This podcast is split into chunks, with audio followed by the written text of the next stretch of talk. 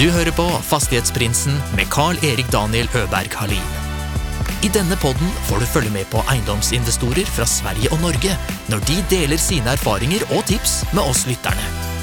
Gjestene er alt fra småbarnsforeldre med sin første enhet, til de mer etablerte haiene. God fornøyelse.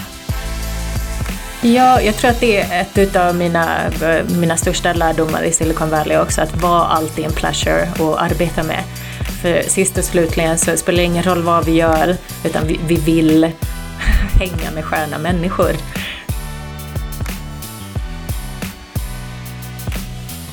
Hej alla poddvänner! Idag har vi ingen mindre än Maria Friström med oss i podden. Också känt som Maria Loves Real Estate på Instagram.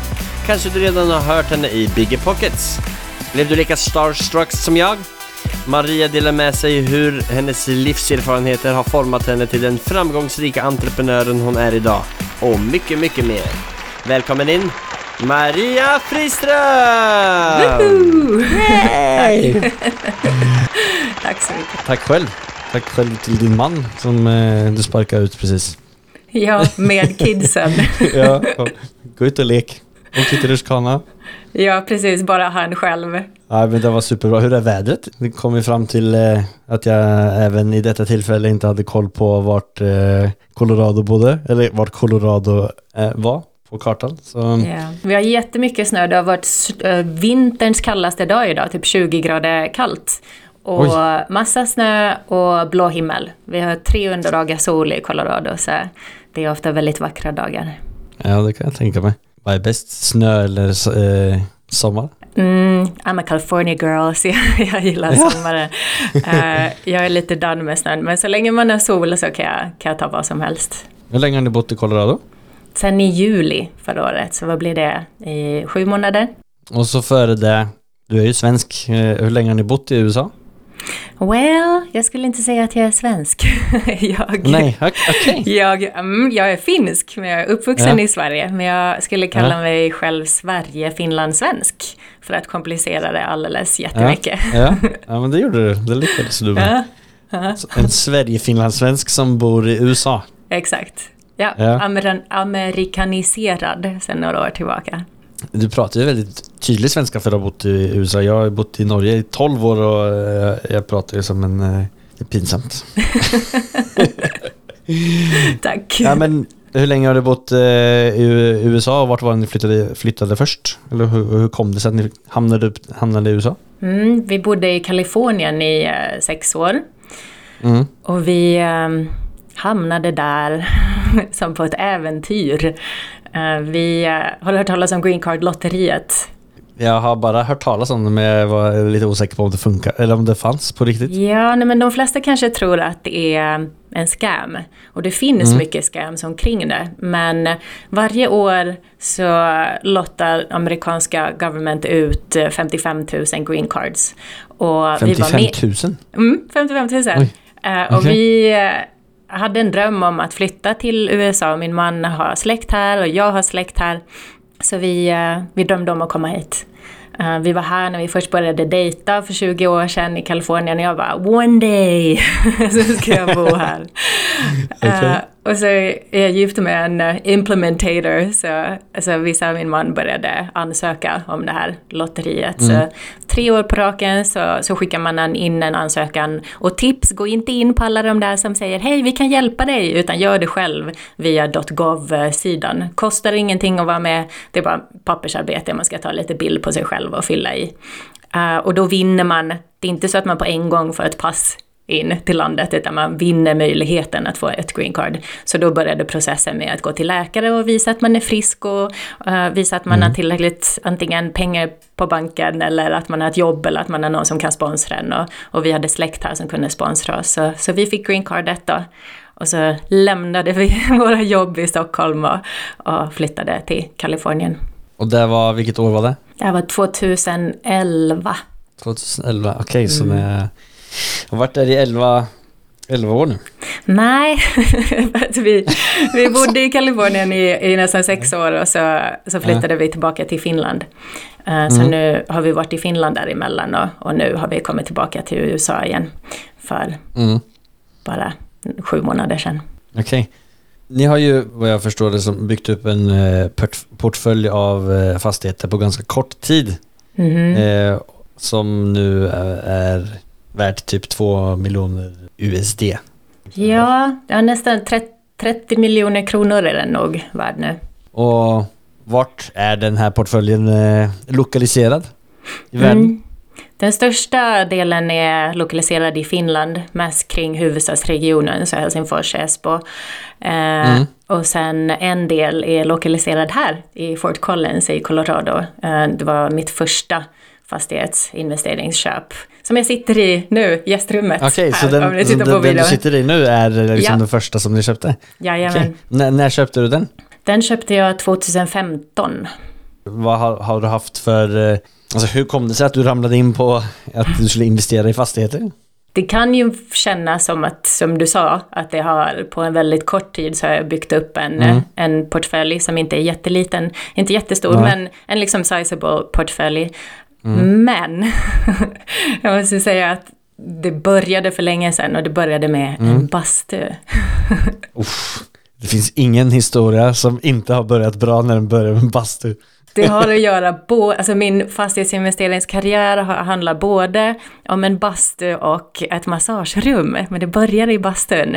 Och det här är Okej. ungefär 15 år sedan så startade jag och min man en investeringsklubb bara för oss och våra kompisar. Och det låter ju väldigt fancy schmancy men i princip så betyder det att vi åt korv och badade bastu tillsammans.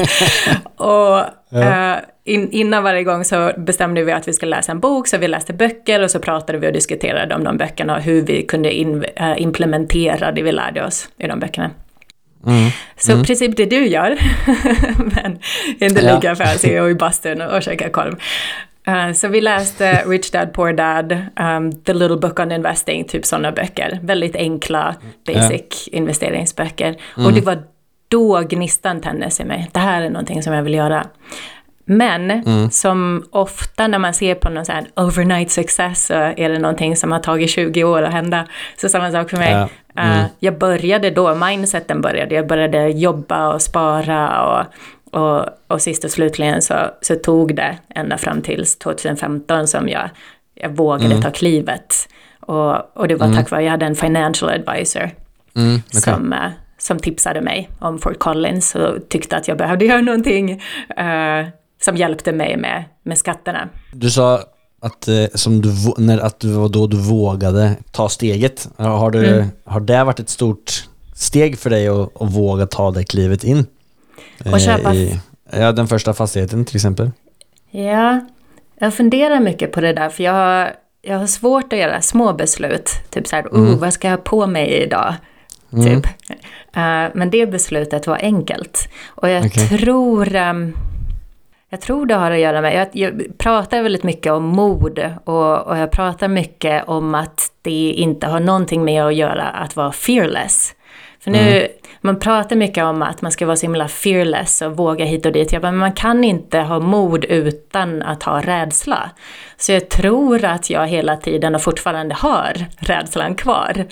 Eh, även när jag köpte den första. Men det som har hjälpt är nog, eh, som ofta i livet, jag, jag kommer gå djupt nu, eh, det är inte så att man åker till Hawaii på semester och kommer tillbaka med värsta, du vet, livsinsikterna oftast. Nej, nej. Utan livsinsikterna kommer utav att um, haft obstacles på vägen. Jättebra bok by the way. Uh, Obstacle is the way, av Ryan Holiday.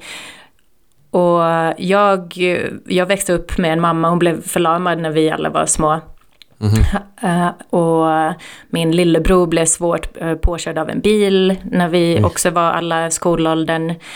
Um, min, um, uh, jag var nära på att mista mitt liv ett par år sedan när vi förlorade, förlorade en, en bebis i magen. Och, och nu det senaste så, så förlorade vi vår, eh, vår dotter som, som, som föddes eh, eh, utan ett hjärtslag. Så det, det är liksom alla de här grejerna. Och redan då, 2015, så det, det värsta hade liksom redan hänt på något sätt.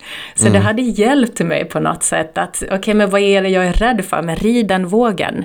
Um, vad händer om vi förlorar de här pengarna?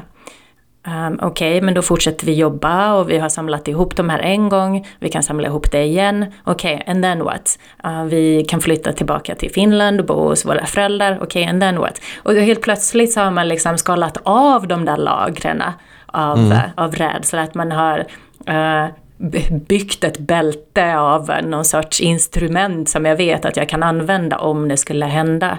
Så jag vet inte, på något sjukt sätt så var jag faktiskt inte så rädd när jag, när jag la budet på den här. För jag, jag såg, jag såg att, att jag var mer rädd för att inte ens någonsin ha försökt. Mm.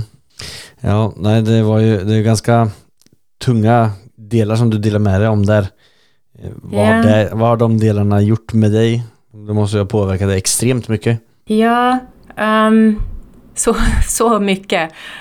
Uh, min mamma som, uh, som blev förlamad och var sängbunden i, i 14 år lärde mig kanske de, eh, de första uh, sakerna som jag tog hjälp av. Att det var att säga inte jag kan inte, fråga hur kan jag?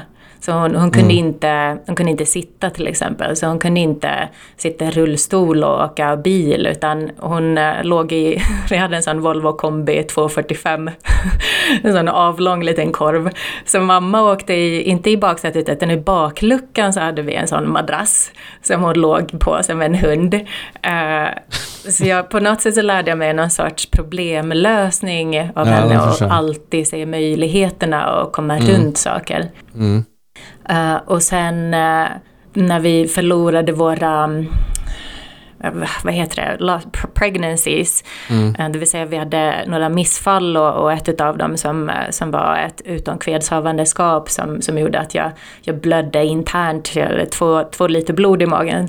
Och hade precis Oj. flugit hem från New York till Finland och, och, och där var jag nära att stryka med. Och när jag mm. vaknade därifrån så kände jag så här, men shit, jag har ju jag har ju liksom klättrat upp för fel berg.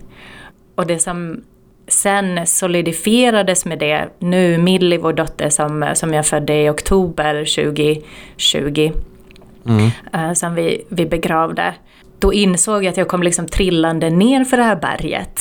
Att visst, jag, jag hade byggt upp den här uh, networthen eller förmögenheten som gjorde att jag var finansiellt uh, till viss grad fri. Jag, mm. jag, kunde välja det jag gjorde men, men allt hade varit fokuserat på mig. Uh, och nu, och det här är väldigt aktuellt för jag känner fortfarande att jag är nu i den här dalen, att jag trillat mm. ner från det här berget. Okay. Och, och är i dalen och har på något sätt förlorat en del av, av mig själv. Och du frågar, men vad tar det liksom för att hitta det här modet? Jag tror för mig handlar det om att vara brave enough att låta en del av en själv dö. Att låta den här uh, egobiten av en dö. Att det liksom inte handlar om att ska jag nu göra en bra affär och, och hur går det för, uh, för våra pengar, min frihet, utan det är mer fokus utåt. Det är fokus på, istället för acquisition, som jag jättegärna pratar jättemycket om. Men, mm. men nu är det fokus framöver så här, okej okay, men contribution. Uh, nu handlar det om att göra saker som har mer betydelse, det handlar om att uh, bygga upp ett samhälle, bygga upp en community, bygga, bygga mm. upp och hjälpa, ge tillbaka och, och göra saker som, uh, som går utöver ens ego. Och där Uh, nummer ett så är det väldigt helande för mm. ett brustet hjärta mm. och, och, fokusera på andra. Men om man kan göra det redan innan något sånt omvälvande händer. Och det var därför mm. jag väljer att prata om det nu till alla. Att, mm. att se ut, utöver dig själv. Um, om jag kände att om jag köper fastigheter som jag kan erbjuda åt folk till en, till en okej okay kostnad. Uh, mitt motto för min uh, fastighetsinvesteringsbusiness är uh, create homes with heart and do landlording with love. Och ja, då kände jag att det här är ju någonting som är så betydelsefullt för mig att kunna erbjuda hem som folk är stolta över och som de älskar, som de inte behöver betala top dollar för. Uh, mm. var någonting som gjorde att, att jag var redo att ta den risken, att för, mm. förlora pengar på det. Ja, men det förstår jag. Det var ett väldigt fint eh, motto du hade, hade där. Är Tack. Det bara, är, det, är det bara lägenheter som ni har? Eh, Det låter nästan så eftersom att du har det mottot. Eller har ni andra företagslokaler eller eh, liknande? Nej, jag har varit väldigt fokuserad på single family homes och long term rentals. Så alla mina är buy and holds som, eh, som jag har tänkt att jag ska ha i alla fall 20 år. Så började den här i Col- Colorado, det är ett hus. typ 220 kvadratmeter stort eh, hus, en villa. Eh, Men resten är, är lägenheter i Finland som alla är rentals som jag har gjort BUR-strategin på. Okej. Men och det var när ni bodde i Finland eller var det när ni bodde i USA? Eller har ni gjort, var det under de åren som ni flyttade tillbaks från USA? Ja, exakt. När jag kom till Finland så började jag om där. Jag började köpa eh, lokalt. För jag, jag gjorde mycket av renoveringarna själv. Så då var det, då var det bra att köpa. Köpa sådana som jag hade access till och åka till själv. Är du händig eller? eller Nu är uppenbarligen? det. Ja, nu är det det. Jag var inte det för sex år sedan kan jag säga. Jag har någon gång sagt Nej. till min man, jag ska aldrig köpa någonting som jag behöver göra någonting i själv. Eh, och jag har alltså rivit väggar och byggt upp dem igen och verkligen tagit Shit. ner allting till studsen. Och, mm. Tycker du att det är kul eller? Jag ser ju att på Instagram så håller du på ganska mycket med Alltså, I mina ögon så ser du ju jätteduktig ut med allt som du, kan, som du håller på med. Tack. Jag har tyckt att det har varit roligt. Ehm, på något sätt så, jag har liksom byggt upp mig själv samtidigt som jag har byggt eh, dem. Jag har tyckt om den kreativa processen men, men nu, nu är den tiden förbi att göra, Mm. göra renoveringen själv. Jag kan inte skala om jag fortsätter hålla på så. eh, och, så jag gör mindre, mycket mindre nu själv. Och jag har insett att det jag tycker om att göra, det jag är bäst på, är att se potentialen. Jag är duktig på att hitta lägenheter och fastigheter med potential. Och människor. Ja. Så det är liksom... eh, jag har gått ifrån den här att min identitet är att jag... Jag har bytt karriär tre gånger i livet, så jag, jag har haft många identitetskriser och har gått ifrån det någonstans och insett att, "Ja, men herregud, mm, jag är inte en account manager eller en, eh, en, eh, en fysioterapeut eller en mamma, utan jag är en typ av människa som tycker om att eh, se potential. Jag tycker om att eh, se människor och, och saker, uppfylla de potentialen och jag är bra på att hjälpa dem på vägen. För det där är ju också något som är alltså, som man kan relatera till eh, i väldigt många saker. Att hoppa fram och tillbaka och det är ju lite mm. det här läskiga. Eh, för du, hade ju, du var ju utbildad till fysioterapeut och så hade du Ja. så började du jobba som eh, inom eh, marknadsföring. Mm. Eller? Marknadsföring och kommunikation, eller började egentligen på en brand experience agency i Stockholm. Med att sälja sig. Oh, Mm. Som fysioterapeut. politiskt korrekt där. Ja, Ja. Dödade Så- en bit av min själ. Åh jäklar. Så du har liksom varit, alltså, jobbat med alltså, och, och göra reklamer som ska framhäva och sälja cigaretter? Mer. Jag, quite literally, alltså bokstavligen var ute och sålde sig som en sig-tjej på festivaler och på nattklubbar. Och, så eh, tillbaka till det här, ehm, när man ser till att ah, men nu har jag byggt en så här 30 miljoners portfölj på fem år, whatever. Well, det jag har gjort tidigare har liksom lett till det. Jag hade inte fått mitt jobb i Silicon Valley utan att jag hade sålt sig i Stockholm och jobbat upp mig till teamleader, till projektledare, till account manager och tack vare den account manager experiencen som jag hade i Stockholm fick jag sen jobbet i, i Silicon Valley. Så jag tror att det är viktigt att man, att man pratar om om allt som ligger bakom också så att folk inte blir helt... Du vet när man hör så här success stories, man bara Åh! Ja. Man blir, blir nästan demotiverad. Men, Eh, men för, för jag varit ju ganska, jag varit, eller jag varit, varit väldigt imponerad för, för du fick ju ett jobb som du på pappret inte var kvalificerad till kanske. Ja. Eh, Ja. Sen så har du ju, eller för att ta den eh, dit jag vill komma då. Alltså, jag hittade dig via Instagram. Eh, Mm. Och det har ju någonting med kommunikation att göra. Det verkar, eller du lägger ner en hel del på det och profilerar dig. Eh, Ja. Och när du har haft det jobbet så, gör du, så är det väldigt liksom, bekräftelse på att du gör det medvetet. Har det att du liksom put yourself out there bidragit till din karriär inom fastigheter? mm, vilken härlig fråga. Och Ja. lång inledning. Ja, Det, det har det. Jag, ehm, jag ser ju alltid till att människan är en helhet och allt det jag har gjort hittills har jag absolut haft nytta av.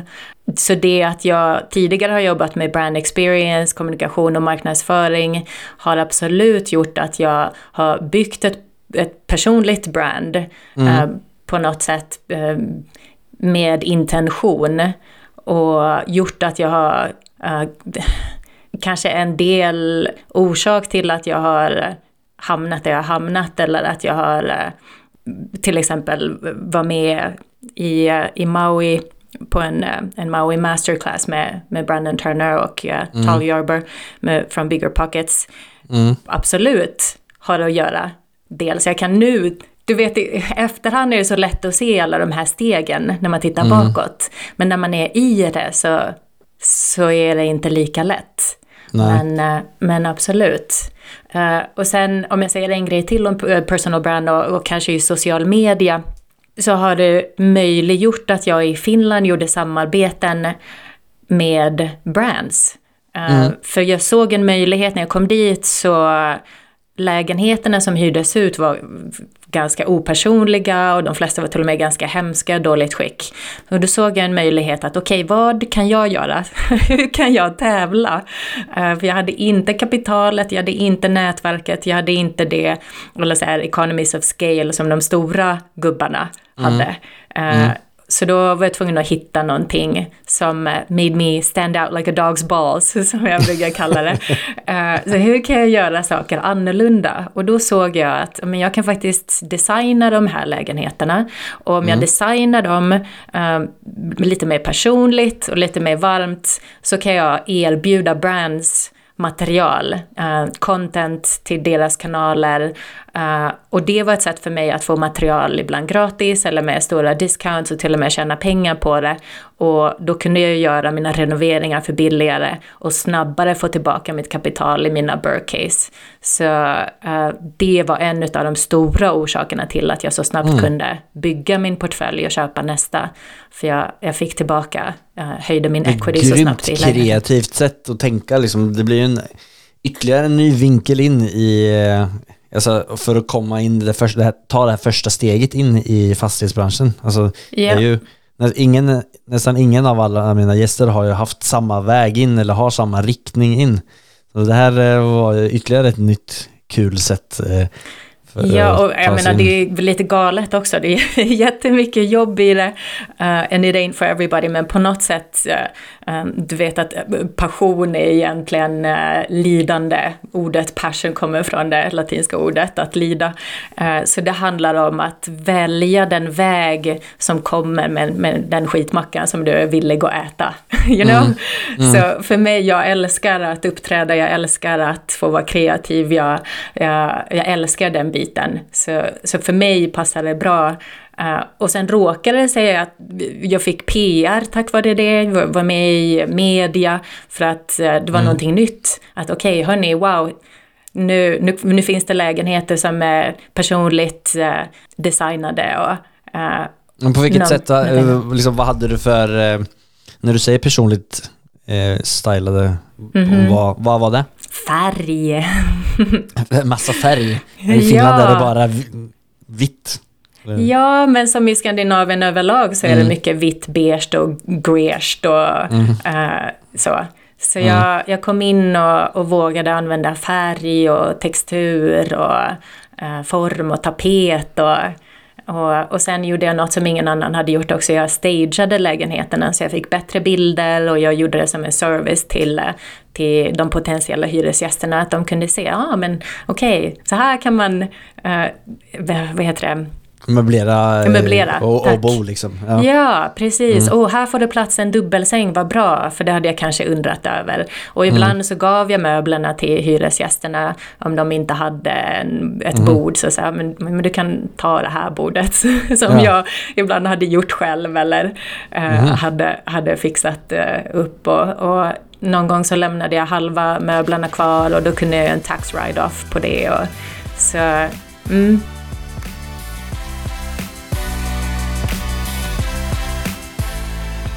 Men hur, hur, du har ju skrivit en, en bok om finansiering, eller? Jag har varit med och skrivit en bok, Ja. ja. En eh, Amazon bestseller, if you may.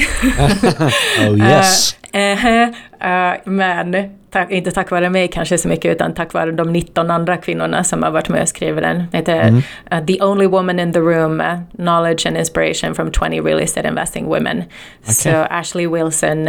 Och det här var väl kanske någonting som, eh, som jag illuterade till tidigare, att, att om man vågar vara sig själv och vara lite annorlunda så, så kommer det möjligheter. Så när jag var i Nashville för två och ett halvt år sedan på Bigger Pockets, den här konferensen, man kan ju undra, beep, oj ursäkta.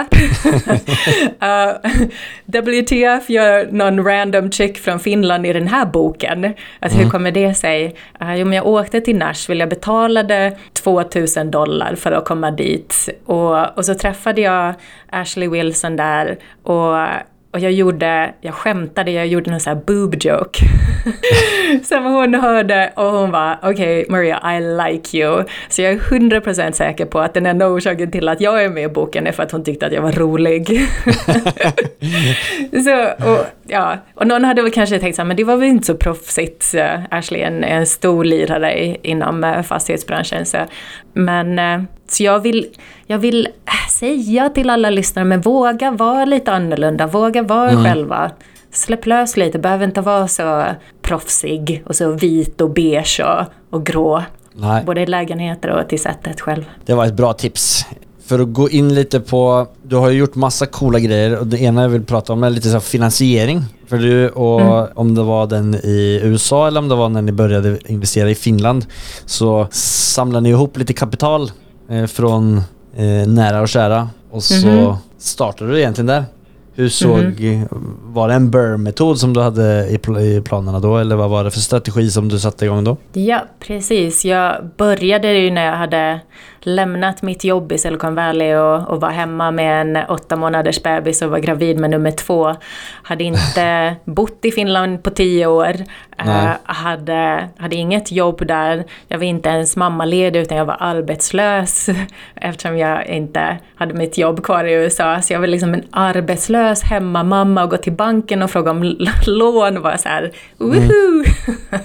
De var inte jätte, jätte keen, keen på att låna pengar till mig. Nej. Så det var i det skedet som, eh, som jag eh, pitchade idén om fastighetsinvestering till min bror Thomas som bor i Stockholm eh, och min man Vissa och lyckades få med dem ombord. Och eh, började med Burr, exakt. Jag köpte en lägenhet och, och gjorde renoveringen på den själv. Men köpte Mm. du en lägenhet för deras pengar eller blev, var det egenkapital och renoveringskostnaderna? Alltså lånade du 100% eh, cash då? Då, jag lånade pengar eh, till down payment och så var det conventional bank loan för resten. Och, eh, och till eh, renovering. Men renoveringen kostade inte så mycket. För jag Nej. målade mest och jag var så höggravid i det här skedet. Jag har en bild på mig när jag är så här nio månader gravid och står på kökscountern och så målar uppe i taket eller någonting. Ehm, så, så det var första caset. Oh Eh, yeah. Grymt! Vad var det för deal du hade erbjudit dem då? Alltså, jag tänker liksom om man själv står i den situationen där man kanske inte har möjlighet till att få lån eller man inte har egenkapital och, men man kanske har några snälla fruar eller män eller eh, bröder eller systrar som eh, kan tänkas investera i det. Mm. Hur såg din kalkyl ut och hur var erbjudanden som du erbjöd? Min bakgrund är inom kommunikation. Okej, så det, Så min, det, är- det är nyckeln du lurar upp dem på läktaren egentligen? aha, så min, min största lärdom som eh, jag tog med mig där i kommunikationen är hur viktigt det är att ha strålkastaren åt rätt håll. Det vill säga att det handlar inte om mig utan det handlade om dem. Och förstå Okej. vad, vad de hade för rädslor, vad de hade för motivering, eh, vem var det jag pratade med, hur är de, vad har de för eh, um, preferred communication ways. Både min bror och min man är civilingenjörer. Så det betydde att jag pratade till dem på deras kärleksspråk, det vill säga Excel. Så jag, jag gjorde en lång ass Excel på vad de skulle få för return via mig och min fastighetsinvestering versus vad de i dagsläget fick och får um, inom, um, vad, vad heter det, köpa aktier, så på Ja. börsen. Och, och det gjorde jag, drog över en 30-årsperiod. Och baserade på några assumptions, okej okay, vad, vad har man för medelresultat på börsen, någon index. Mm. Uh, och sen hur det ser ut. Och sen den största är ju när man kan använda sig utav leverage och lån på Mm. fastighetssidan. Nu kan man det på börsen också men, men Mm. eh, ganska snabbt så kunde jag påvisa hur mycket mer de skulle kunna tjäna med Mm. mig. Vill du dela med dig om hur, hur, alltså vad var, hur du satte upp? Var det räntor eller var det en del av eh, förtjänsten som du erbjöd dem? eh? Ja, du menar hur partner, eh, Ja, jag partnershipet såg tänkte, ut? jag är lite nyfiken Ja. på hur, alltså för att liksom, om jag ska, själv ska erbjuda det till någon. eh, Ja, så absolut. vissa använder ju olika typer av modeller för det. ja, vi har gjort lite olika sorters modeller och med, med min bror och min man så, så har vi gjort så att eh, eh, vi har delat på kapitalet som de går in med. Säg att eh, eh, min, min man har gått in med 50 och brorsan med 50 och, och, och jag har kommit med dealen och jag har projektskött allting och jag har gjort renoveringen och, och allt sånt och sen, sen har vi delat lika på det. Det, det är det vanligaste. Sen startade jag eh, ett företag där de är med, där vi tre, eh, jag har, eh, hur är det nu, jag har 25 procent, brorsan har 50 och min man har 25 procent. Mm. Och det är bra, vi är amerikanska medborgare och äger man ett företag utomlands, mer än 50 procent amerikanskägt, så är man även skattepliktig i USA för det. Så det var jäkligt tur att vi bara råkade vara så att det var 50 och inte mer för, i vår ägo. Eh, ett annat sätt som jag har gjort ett partnerskap som jag som vill, ville tipsa om i dagsläget så är det viktigast du kommer med dealen. Okej. Pengar är lätt att hitta om du har en möjlighet, en deal att komma med. Så eh, ett projekt som jag gjorde, jag kom med dealen, eh, gick till eh, en, en mentor som jag har, har jobbat med och, och blivit god vän med och sa, you know, det här är en eh, opportunity som jag skulle vilja göra, är du med? Och han finansierade den helt, han köpte den och finansierade renoveringen som, eh, vad låg den på? Um, kanske 600 000 kronor eller något sånt. Och, och jag skötte projektet och sen sålde vi den lägenheten när den var färdig och, och delade 50-50 på Mm, den vinsten. Dina kalkyler, har de alltid stämt? Eller har du gått på någon eh, bom någon gång? Mm. De här kalkylerna har stämt ganska bra, men jag har absolut eh, gjort missar. Mm. Jag tänkte spara min största miss till om vi skulle göra en deal deep dive. ja, Eh, okej. Men eh, upp till dig om du vill höra den nu, eller ska vi ta den senare? Nej, då, nej, då tar vi den senare om du hade lagt Ja. undan den till dess. Men jag kan ju ge som exempel nu till exempel den här renoveringen Mm. på det här huset i Colorado. Jag hade tänkt att vi skulle lägga 30 000 dollar på den här renoveringen och vi ligger väl uppe i en 80-90 000 dollar nu. Mm, Du, t- du, hade, du, du hade räknat med 30 och ner på 80-90 nu. ja, så tredubbelt och tidsmässigt. 300 procent. Mm. Ja, och tidsmässigt. Och jag hoppas att någon som sitter och, och mår dåligt över att de har gått 20% över budget kan Ja. bli lite Du tröstade. tar på dig den. Ja, lyssna här. Lägg på en Ja. nolla bara så är vi färdiga. Ja, ehm, men om jag, om jag kanske förklarar lite varför så ett, det här var första gången vi renoverade ett så här stort hus som också har en exteriör. Alltså jag har ju tidigare bara gjort lägenheter. Eh, Så jag är noob. Jag tänkte så här, bara, I've done this. man vet väl vad man gör liksom. Eh, nej, jag är också i ett land där jag inte Ja. har gjort renoveringar tidigare. Jag är också mitt uppe i en fucking crisis med, med eh, Eh, förseningar på allting på grund av covid och lumber prices har gått upp 300 procent. Så många olika faktorer, men den största har varit att vi såg en möjlighet. Att marknaden har skiftat sen i juli till idag så har marknaden skiftat och vi ser en möjlighet att komma upp i nästa echelon. Eh, säljare för dyrare. Så det, är en, okej. det här är en, det är en risk vi Ja. tar. Så istället för att sälja den för 500 000 tror jag att vi nu kommer kunna sälja den för 600 000 plus. Mm, Okej. Ja, men det får vi verkligen hoppas att ni, ni gör det. Ja. När, är, när ser ni för er att sälja den då? Eh, vi skulle kunna sälja den nu, men vi väntar till i mars, för då blir det lite mer uh, språng på människor. Med, de tar på sig köpbyxorna, säger man på finska. ja, men jag ville prata lite, för det låter det låter så kaxigt på något sätt, så bara, ja men istället för 300 000 kronor så är vi nu uppe i typ en miljon. Och, så det här är ingenting som vi bara sitter och har i fickorna liggandes. Nej. Uh, vår, vår allocation ser, ser inte ut så, vi har inte så mycket cash Nej. liggandes. Så finansieringsbiten om hur vi har fått fram de här pengarna att Mm. använda till den här. Så nummer ett, eh, private money. Det använder vi inte så mycket i Finland och Sverige och Norge. Nej, Eh, nej. Tror jag inte. Så att man av en privatperson lånar pengar. Eh, nummer två så gjorde jag en vad som här kallas en HELOC, Home Equity Line of Credit. Det vill säga att man tar ut ett sekundärt mål på ett hus eller en lägenhet som du har equity i. Ehm, så jag tog ut princip, jag använder husets pengar för att renovera huset. Okej. Okej. Eh, som, jag, som jag betalar lite, lite dyrare för. Men man behöver bara betala ränta på. Och i Finland i varje fall så finns det en produkt som är liknande. Mm, okej. Jo, men men jag, nu vet inte jag om det finns i Sverige. Men jag tror det.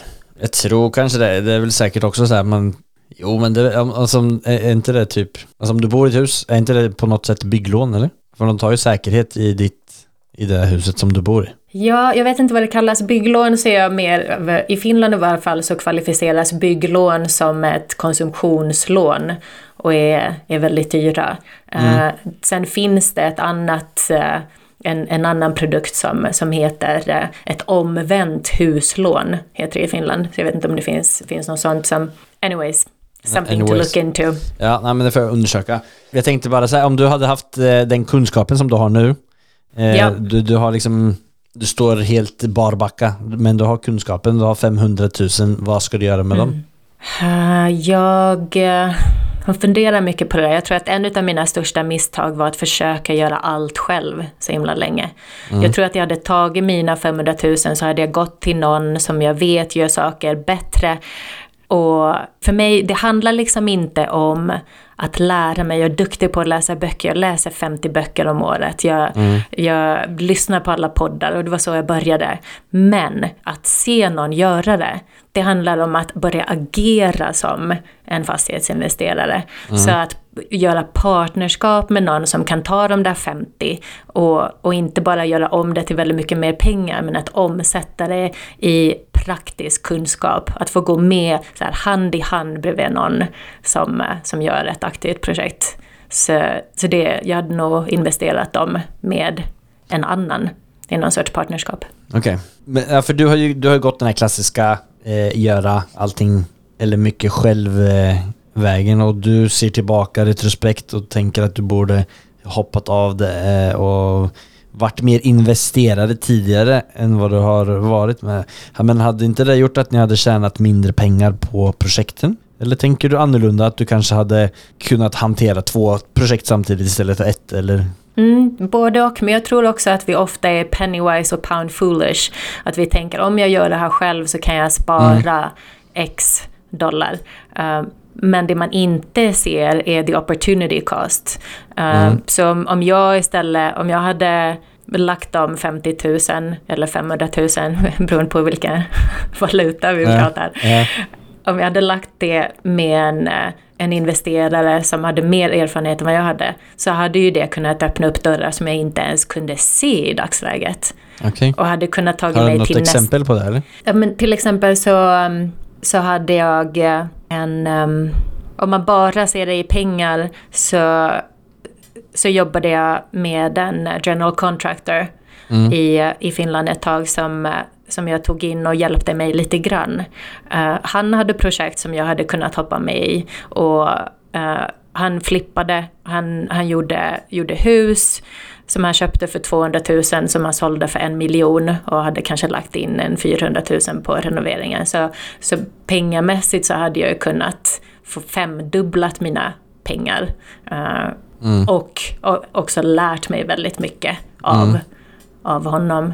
Um, det jag gjorde istället var, och det var här jag kanske tänkte lite för litet. Jag Mm. betalade honom för att visa mig hur man gjorde saker, men Mm. det betydde att jag lärde mig. Jag basically gick en kurs i att become a carpenter. Ja, ja. you know? Så jag var, okej men nu är jag jätteduktig på att eh, göra en vägg, men jag vill inte jobba med att göra väggar. Det är, inte, det är inte det jag brinner för. Så Tänker du väldigt stort nu eller? jag tror att jag tänker rätt för första gången på väldigt länge. Och jag tänker, jag tänker stort eh, med tanke på hjärta och inte pengar. Jag har varit väldigt driven av pengar i mitt första bergklivande, för att ta den eh, em, liknelsen. Nu kommer jag inte ihåg om jag sa det redan, men den här boken som jag håller på att läsa nu, The Second Mountain, handlar om just det här. Nej, Åh, okej. åh. Så The second mountain. Ja, så nu har jag ju liksom, istället för att ha ett mål, jag började med att, att ha- ett finansiellt mål, att tjäna lika mycket pengar passivt från mina lägenheter som jag gjorde i Silicon Valley. Super-ego-mål. mål. Sen gick det vidare till um, min primary financial metric alltid varit att bygga net worth. Så då gick jag, okej jag, vill, jag vill bli eh, miljonär, alltså euromiljonär.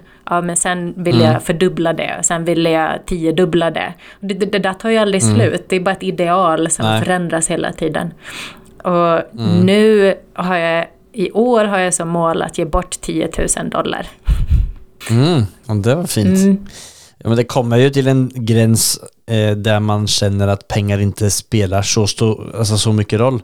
Det går ju ganska fort. Ja, Alltså, får du gjort några bra deals och du är semi-ekonomiskt fri liksom så är det ju, ja du ska pusha gränsen. Det spelar ju inte så stor roll som det gör att komma över den där första tröskeln som gör, ah, det, det är skönt. ja, Men man behöver ju som du säger ha ett stort mål som är, alltså som alla företag, de ska vara en vision som är jävligt fluffig. Du kommer aldrig nå den oavsett, men det ska vara som en ledande stjärna som hjälper dig att gå åt det här hållet och aligna hela företaget. Ja.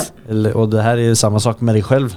Det ska ju vara någonting som gör att du orkar hoppa på det tionde och det femtionde och det tvåhundrade projektet.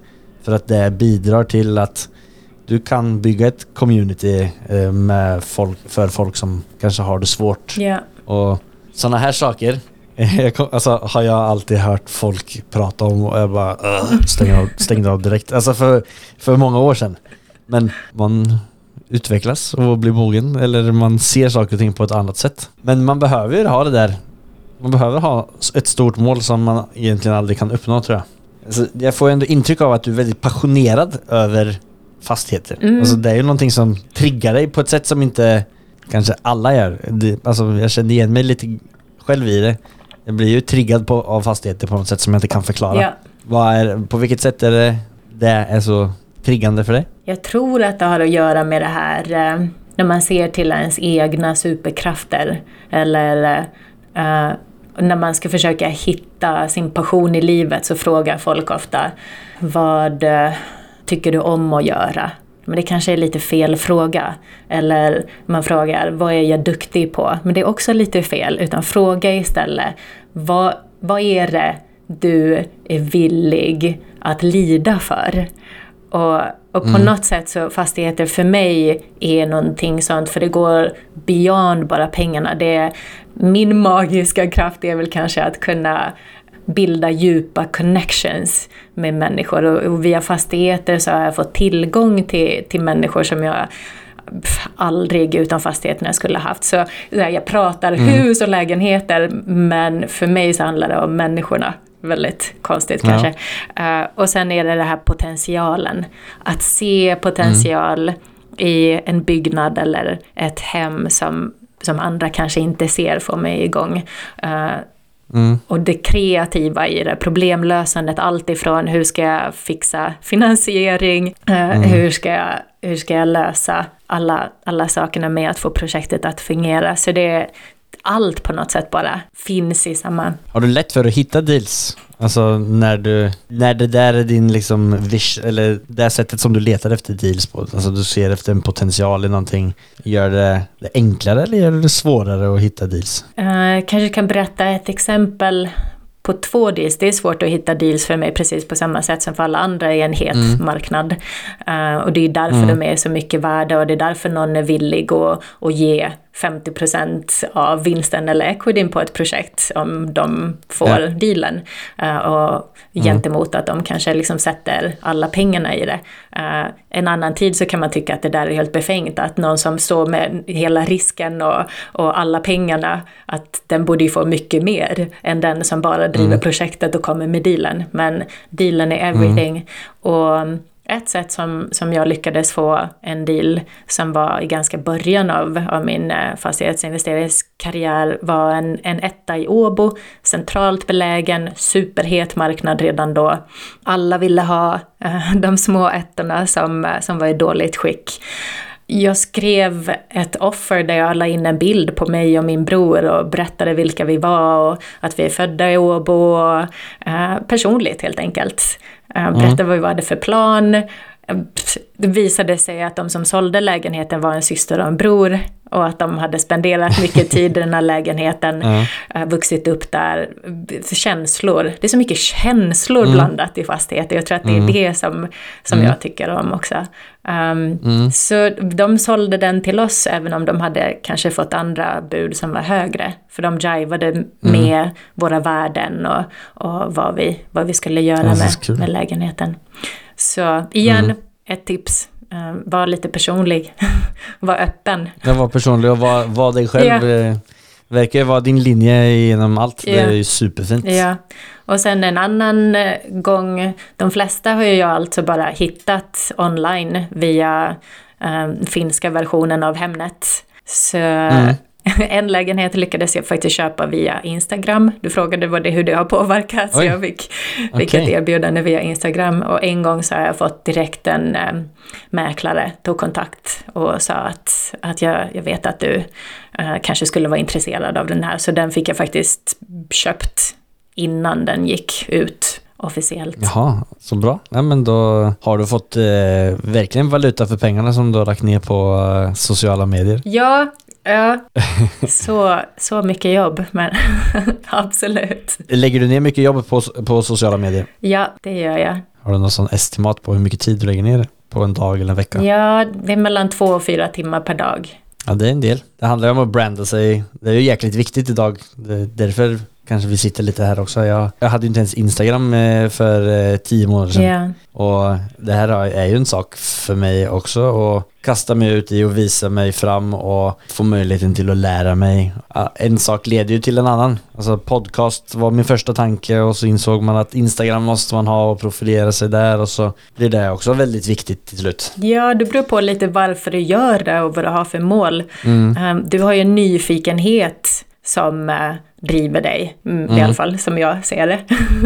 och, Ja, ja, och sen ja. eh, en känsla av att kunna få ge tillbaka är ju, stark. Mm. Att, hej, att om, om jag håller på att lära mig här så kan jag lika gärna dela med mig av den Ja, eh, till andra. Mm. Och det tror jag är någonting som vi har gemensamt ganska många i fastighetsinvesteringsbranschen. Det är en annan orsak till varför jag brinner för det. För de människorna som jag har träffat som Mm. håller på med det här är sådana som vill alla dela med sig av sin kunskap och sättet jag gör någonting på är, är så annorlunda från någon annan även om alltså man är inte konkurrenter på samma sätt som kanske inom en annan eh, investeringsbransch. Så Men å andra sidan så är, väl, är det ju väldigt viktigt också att alltså, du profilerar ju dig själv, du visar ju vem Maria är. mhm. Du har ju, skulle ju aldrig investera med någon som var en idiot. jag Om jag- hoppas inte det. Nej men du skulle ju, du skulle aldrig investera menar jag. Nej. Med någon som du känner är en idiot. Nej, precis. Eh, alltså så det handlar ju om att man visar, alltså jag anser ju mig vara en ganska snäll person. Mm. Och därför är det väldigt positivt också. Att man visar sig fram. Ja. För jag tänker ju att alla andra vill ju resonera på det sättet också. Att man, ja. Ja. Maria är jäkligt hygglig. Hon skulle jag lätt kunna göra business med. Ja. Och så står man helt plötsligt med Maria och Angie. Och så Angie är lite bitchy. Men Maria är skitsnäll. Då väljer man ju alltid den snällaste av dem. Ja, jag tror att det är ett av mina, mina största lärdomar i Silicon Valley också, att vara alltid en pleasure att arbeta med. För sist och slutligen så spelar det ingen roll vad vi gör, utan vi, vi vill hänga med sköna människor. Så, så det är absolut viktigt. Men sen en till grej som jag vill lägga till där är det här med att man är out there så att säga. Det har med öppenhet att göra. Brené Brown eh, pratar mycket om det som eh, jivar med mig, att, att det, det, finns liksom ingen community eller samhörighet utan öppenhet. Och, och det är lite i slu, den här tiden där det är management by perkele som är stort i Finland, eh, eller har varit, att det ska vara så himla hårt och um, svart och vitt och professionellt och det är liksom, det är gone. Nu handlar det om uh, vulnerability, mm. att vara sårbar, att vara öppen och, mm. och och det, det tror jag starkt på, att det är det sättet som man mm. bygger mm. ett community och hittar ja. de bra business partners. Ja, men sunda värderingar. Tack för det. Nu har vi kommit fram till vårt nästa segment som heter affärsanalyser. Mm. Det är det segment där våran gäst eh, delar med sig om en genomförd affär. It has not been easy for me. And, you know, I, I started off in Brooklyn. My father gave me a small loan of a million dollars. Affärsanalysen. Och du hade en eh, riktigt stor tabbe som du ville dela med dig om, eh, sa du. Det var något som inte hade gått helt som det skulle. Var, är det en eh, amerikansk deal eller en finsk? Det här är en deal i Finland. Och det var i ganska början på min fastighetsinvesteringskarriär. Jag mm. Uh, hade fokuserat på BUR deals, det vill säga Buy, Rehab, Rent, Refinance, Repeat, så köpte lägenheter i dåligt mm. skick, renoverade dem, uh, mm. fick upp värderingen och uh, fick ut pengar genom att ta nytt lån och hyrde ut och, och så kunde jag fortsätta snöbollen på det sättet. Mm jag hade satt ett aggressivt mål uh, som, var, mm. som var driven av att jag ville tjäna lika mycket som jag gjorde i Silicon Valley. Och det betydde att jag behövde köpa x antal lägenheter per år. Det var november. Okay. Mm. Uh, året började komma till sitt slut och mm. jag hittar den här lägenheten. Det ligger i en satellitstad till Helsingfors, så en timme från eh, Helsingfors och, och, mitt i centrum där. Så tåget går dit, så bra location, uh, växande, växande stad. Men det är nykonstruktion, heter det? Ny construction. Mm. Uh, mm. Ett nytt hus som höll på att bli färdigt, det var inte färdigbyggt ännu. Och jag bara, uh, inte bara en utan två till salu. of course, mm -hmm. of course. Och det var två lägenheter som jag behövde köpa innan året var slut. Så jag bara, perfekt! En bra timing. Mm. Och jag hittade det här alltså på Hemnet, eller liknande, liknande mm. Hemnet i Finland. Så det var eh, officiellt ute, det var en mäklare som, eh, som sålde dem. Hur, skulle, hur eh, är reglerna där när det inte är färdigt? Alltså då köper man, då lägger man in 10% och tar över dem om några månader eller något sånt? Det här var så pass nära det var i november och huset skulle bli färdigt uh, en månad senare eller något sånt. Så i mm. princip ja, så köpte så jag, det var redan en som ägde dem, en privatperson. Så jag köpte mm. som, något som kallas ett RS-kontrakt utav ja. den privatpersonen. Så, så jag mm. var tvungen att lägga ner 30% och 70% ägdes av, uh, eller det lånet var på bostadsföreningen.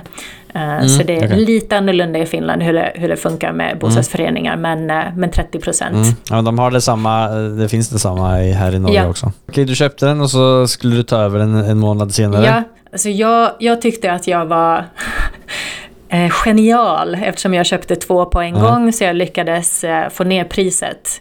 Uh, för det var samma, samma säljare som sålde båda, så jag fick ner priset med kanske mm. en procent. Mm, men ändå, ja, men det var, en, det var en liksom, inte en pruttsumma för de kostade 175 000 uh, dollar styck ja. eller euro styck. Så mm. nästan två miljoner mm. kronor uh, per mm. lägenhet.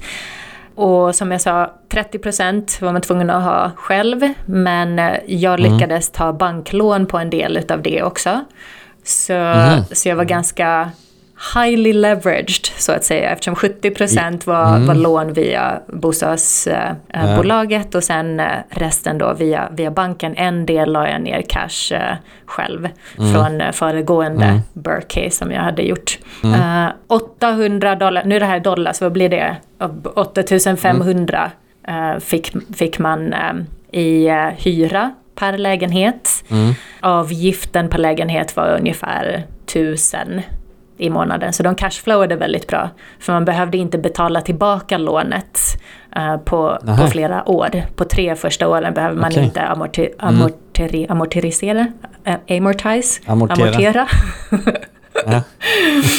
Amorterisera heter det från och med nu. Ja.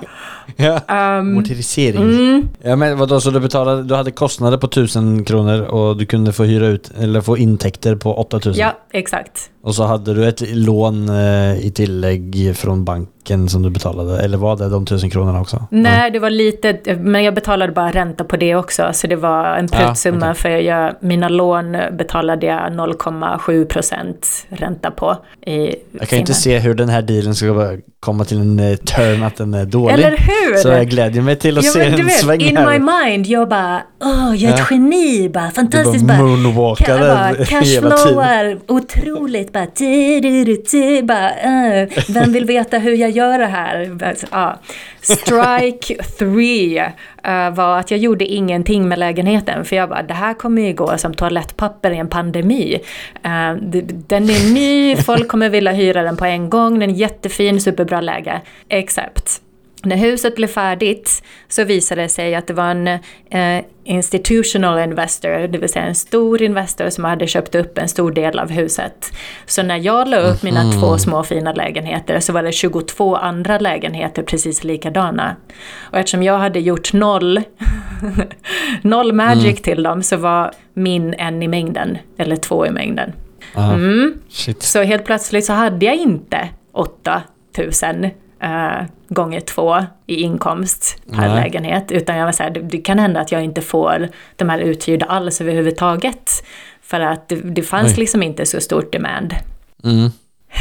Vart låg den? Låg den centralt? Eller? Mm, den låg väl, eller de, ja, centralt precis vid tågstationen. Eh, Mm. så, så det var bra. Men det kom för många på en gång. Så demand var, inte, var inte så stort. Så det jag lärde mig var tre saker.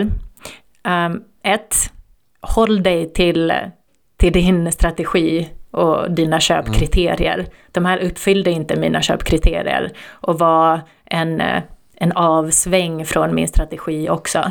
Mm. Nu förstår jag att om jag hade köpt, om jag skulle köpa dem idag så skulle jag veta ett, köp dem inte via Hemnet utan köp dem direkt från byggaren. Eh, så kan, Och köp dem i ett team med andra investerare så du kan köpa en stor bunt och då kan du få till och med 10% rabatt as opposed to min 1% som jag var så stolt över. Köp från, från nya hus som, som byggs av byggare som inte säljer till institutional investors och privata investors ur samma hus. Eh, Sådana finns det i Finland, jag vet inte om det finns i Sverige och Norge också. Men ta reda på det. Mm. Det lärde jag mig nu också. Mm. Två, var rädd för dina mål. Jag hade ju satt ett mål som var baserat helt bara på ego och, och pengar och jag gjorde allt för att fylla målet versus att se framåt. Uh, do these fit my long term vision? You know? att ja, är, det här ja. faktiskt, kommer de här förändra mitt liv? Kommer de här föra mig framåt till det mål som jag har satt? Mm. Och nummer tre, being different pays off. Stick out like a dog's balls, right? Så om jag faktiskt hade gjort någonting med de här som jag alltid brukar, måla väggarna, tapetsera, um, stagea, tagit in möbler och så vidare, så hade de ju stått ut i mängden. Mm. Eh, också att skriva, jag kanske ska berätta vad som hände i slutändan, för det är som en Disney, det är som en Disney-saga, it has a good ending. Men fick du Eh, aldrig det? ut dem eller? Jag, har, jag äger båda de här lägena fortfarande. Nämligen. Aha, okej. Mhm. Så mm, den tredje läxan som jag lärde mig var att det pays off att stand out i eh, din hyresannons. Så när de här 22 lägenheterna kom ut som alla såg likadana ut, alla hade samma foton från byggaren, du vet. Eh, så var jag den enda som hade en bild på mig och min familj i annonsen. Så här, hej, det är vi som äger den och eh, det här är, det här är vår, vårt motto, det här är våra värderingar och berättade om oss. Och, och helt plötsligt så blev det personligt. Ja. Och den första hyrde jag ut eh, huset blev färdigt första december och jag hyrde ut den den 15 december. Så den stod tom i två veckor. Och jag frågade, Mm. jag bara, Åh, Nico varför valde du vår lägenhet och inte en av de andra 20? För priset var detsamma, jag tror att vår Mm. kanske till och med var lite dyrare. Så sa han, "Ja, jag försökte faktiskt hyra en av de andra men, men de eh, svarade inte när han ringde, för han kanske ringde på kvällen. Och Mm. han hade varit försökt att titta på en, men då hade de glömt nyckeln. För- då är det bara Ja. någon som jobbar där, det är bara ett jobb. Ja. För, mig, för mig var det personligt. Ja. Så, Mm. eh, plus att han sa att, plus att jag valde er baserat på er annons. Mhm. Så man väljer liksom inte bara hem, utan man väljer även en hyres... Ja, ja precis. Hyres... Mm. Vad heter det? Landlord. Mm. Så, Hyresvärd. Jag ska ja... väl sitta och försöka jag, jag sitter och jag sliter mellan svenska och norska termer eh, varje dag så det här, blir ett bra avsnitt. Bra hodgepodge. Ja. Men eh, det där eh, är väl inte, det kan väl inte vara en dålig deal så här i efterhand eller?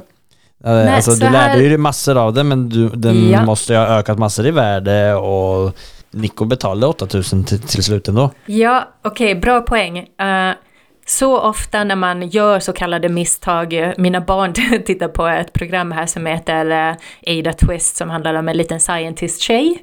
Och, och hon brukar säga, min, min son kom till mig häromdagen, han var mamma, mamma, det, det finns liksom inga misstag, misstag utan det är bara ett experiment. Och jag bara, okej, eh, du är sex år och kan redan, jag har, det har tagit 40 år för mig att lära mig det där. Så på något sätt att det är bara data man får och sist och slutligen, även om de hade stått tomma ett tag så hade det varit okej. Eh, Jag köpte dem delvis för eh, att jag kunde göra ganska bra avdrag på skatt för dem och det har jag fortfarande kunnat göra. Så se till hela portföljen och inte bara enstaka grejer. Så, så Men på vilket sätt kunde du göra bra eh, avdrag på skatt? I Finland så får man göra avdrag, det man betalar eh, på lån, till och med amorteringen som du betalar på ett lån som står på bostadsbolaget istället för på dig privat får du göra avdrag för. Amorteringen också? Amorteringen också. Så att, att jag amorterar på den, vad blir det nu, amorteringen ligger väl kanske på 5-6 tusen i månaden per lägenhet. Så det får jag göra avdrag på min, mina Så bra. hyresinkomster som jag annars skulle behöva betala 34% skatt Ja. på. Så, helt så det är en eh, tax optimization eh, teknik. De pratar om att ta bort det så det finns risk om att det försvinner men I Norge så finns det ju väldigt fördom, förmånliga regler med om du hyr ut till exempel i, i, min, i min villa då, så om jag har en lägenhet i den ja. eh, och, och den är eh, under 49% av arealet i eh, huset så om jag hyr ut den för 25 000 så behöver jag inte betala skatt på det. Det är en bra eh, Wow. regel. Sådana regler, det finns väl några sådana regler i Sverige men eh, ja. Sverige, Sverige har lite att hämta på både Norge och Finland låter det som. Mm. Ja, whole nother topic Ja. for another Ja, men- time. Men på något sätt så, jag tror det jag vill säga med det är att uh, var lite clever och gå in på, på sådana uh, små saker och gika in dig så kan en deal som till synes ser katastrofal ut så kan den faktiskt se helt okej ut. Eh, och det är väl sådana saker som man också kan lära sig av att hänga med andra investerare som har gjort de här misstagen som jag gjorde, som jag nu vet. Eh, I dagsläget så hade jag kanske inte köpt dem igen. De har inte gått upp så mycket i värde. Ah, okej. Utan för att svara på din äldre, din äldre fråga, din, din fråga förut, vad jag skulle ha gjort annorlunda eller om jag hade 500 000 nu, så tror jag att jag, jag hade kanske lite aggressivare gått in och, och köpt den största möjliga dealen som jag kunde vid det tillfället också. Ja. Och frågat mig, kommer den här dealen förändra mitt liv? Ja. Mm. Hittar man den dealen? Ja, jag tror, jag tror att det finns sådana deals. Eh, I alla fall ta dig liksom ett steg i den riktningen. Märkbart. Mm, ja, ja, du menar så. Ja, att den är al- alignad med din, ja, din långsiktiga strategi. Mm. ja. Ja men grymt. Tack för, tack för att du delade med dig om eh, de fina två lägenheterna. Eh, då hoppar vi vidare till vårt sista segment som heter Fyra frågor. Det är de samma fyra frågorna som vi ställer.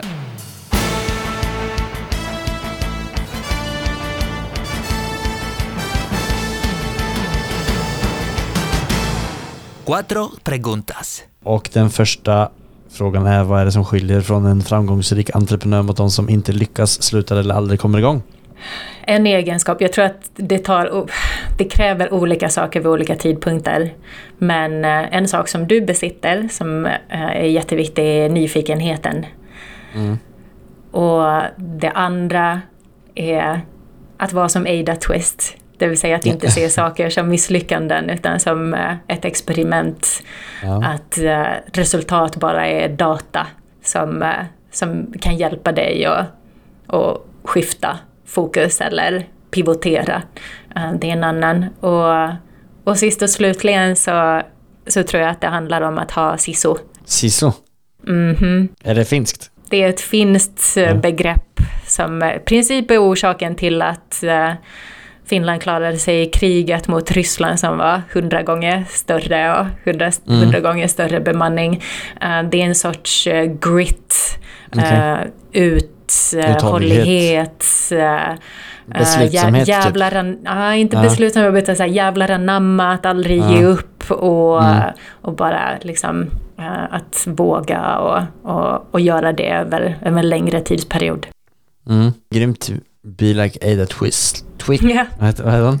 Twist, Ada Twist. Ada, be like Ada, Ada Twist. Twist, scientist. Da, da, da, da, da, da, da. Så. Mm. Ja, det ska jag se på imorgon. Om alla fastigheter var tillgängliga för dig, om pengar inte var motivationen. Vilken fastighet hade du förvärvat och varför? Mm, som jag sa tidigare så för mig är det mycket känslor förknippat med fastigheter och folk säger bli inte kär i dina deals. Jag bara pff. uh, that's out the window. Det- det- det- Uh, det- helt- De där två eh, lägenheterna har namn?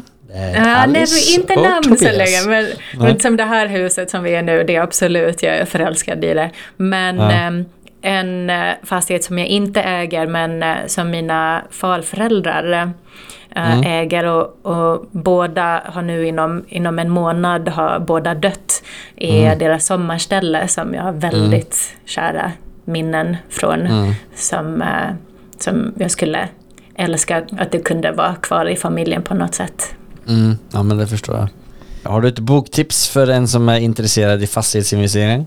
Only a hundred. Um, mitt senaste, jag, jag har läst jätte- jättemycket fastighetsinvesteringsböcker. Men på sistone så har jag läst mer eh, böcker som har att göra med mindset, eh, psykologi. Jag läste en som heter Mindset av Carol Dweck som, eh, som var jättebra.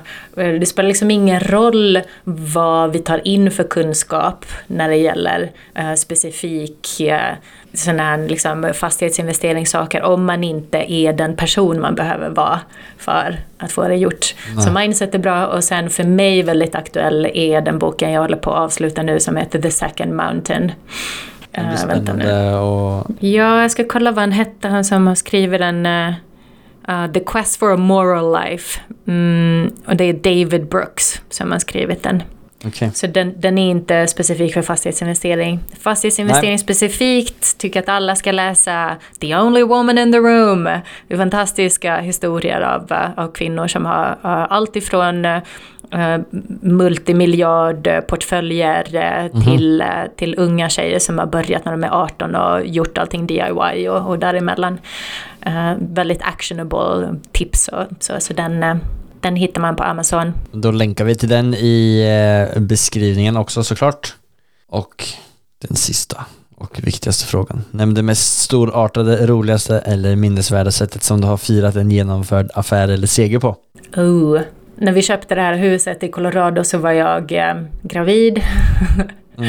Eh, och vi packade för att komma hit och, och skriva på papperna och, och min man när jag kom hem från jobbet och skulle hämta mina grejer för att packa och åka till flygplatsen så hade min, min man packat skidkläderna och jag så här, ah, eh, visa. Eh, tänkte du att du skulle åka skidor? Han bara, ja jag tyckte att när vi har gjort affären så skulle vi kunna åka till Vail eller någonstans som ligger här precis bredvid. Jag bara, Uh, toppen, förutom att jag är så åtta månader gravid. han hade liksom glömt att jag var gravid och han tänkte att vi skulle åka slalom för att Mm. fira. Så det där var väl kanske det häftigaste som vi skulle ha gjort men Ja. aldrig, aldrig gjorde. Han visar. Han, Eh. eh, han låter som att han, han tar ansvaret och firar gör han i alla fall. Mm. Ja, så nu, nu är det väl kanske framöver när vi ska precis hålla på att slutföra det här samma huset som vi gjorde. Eh, signade för då, ska vi sälja nu. Då blir Eh, det skidor. Ja, och då, nej, vi kommer uh, troligtvis vi kommer åka till Hawaii och så kommer vi flytta till Austin. Austin. Men ja, det mest extravaganta är väl kanske, kanske att, att ta hela familjen till Hawaii och Mm. Ja. och fira. ja, det var ett fint sätt att fira. Värme, tina upp lite. Tina upp, exakt. Ja. exakt. ja, ja, men härligt. Är det några speciella deals eller personer som du är intresserad av att komma i kontakt med? Ja, min nästa grej är um, det här jag sa lite tidigare om att det som gör mig rädd är två saker just nu. Jag Mm. är rädd för att göra stora deals och jag är Mm. rädd för att använda andras pengar. Mm. Eh, och jag, nu har jag möjlighet till båda. Så min nästa grej är att titta på en, en större, större deal i Austin, Texas. Mm. Så om det är någon som har kontakter där, Mm. send them my way. Ja. Ehm, och och våga, våga ta klivet att, att använda m- ännu mer private money. Okej, ja men spännande. Jag håller tummarna för dig eh, och lycka till vidare med husavslutningen på huset och allt flytt fram till Texas och allt möjligt. Tack. Det var superkul att prata med dig. Tack så jättemycket för att du ställde upp och tack till din man som är ute och leker. Ja, ja vi får, se vad de kommer tillbaka med. Kanske han har Alltid byggt en, spännande. eh, byggt en ny koja utanför. Ja, precis. Ja, men tack, tack Daniel, vad, vad roligt att få vara med. Bra, då får du springa vidare och släppa in dem så hörs vi. Ja, tack så jättemycket. Hej då, hej då. Tusen tack Maria för att du delar med dig av din resa och inspirerar andra att våga vara mer sig själva. Jag är helt enig med Maria om att vi borde använda oss av mer färg och mindre, greyish. grayish. Jag är färgblind så det kommer gå riktigt bra för mig. Jag vill också tacka för att du lyssnar på podden.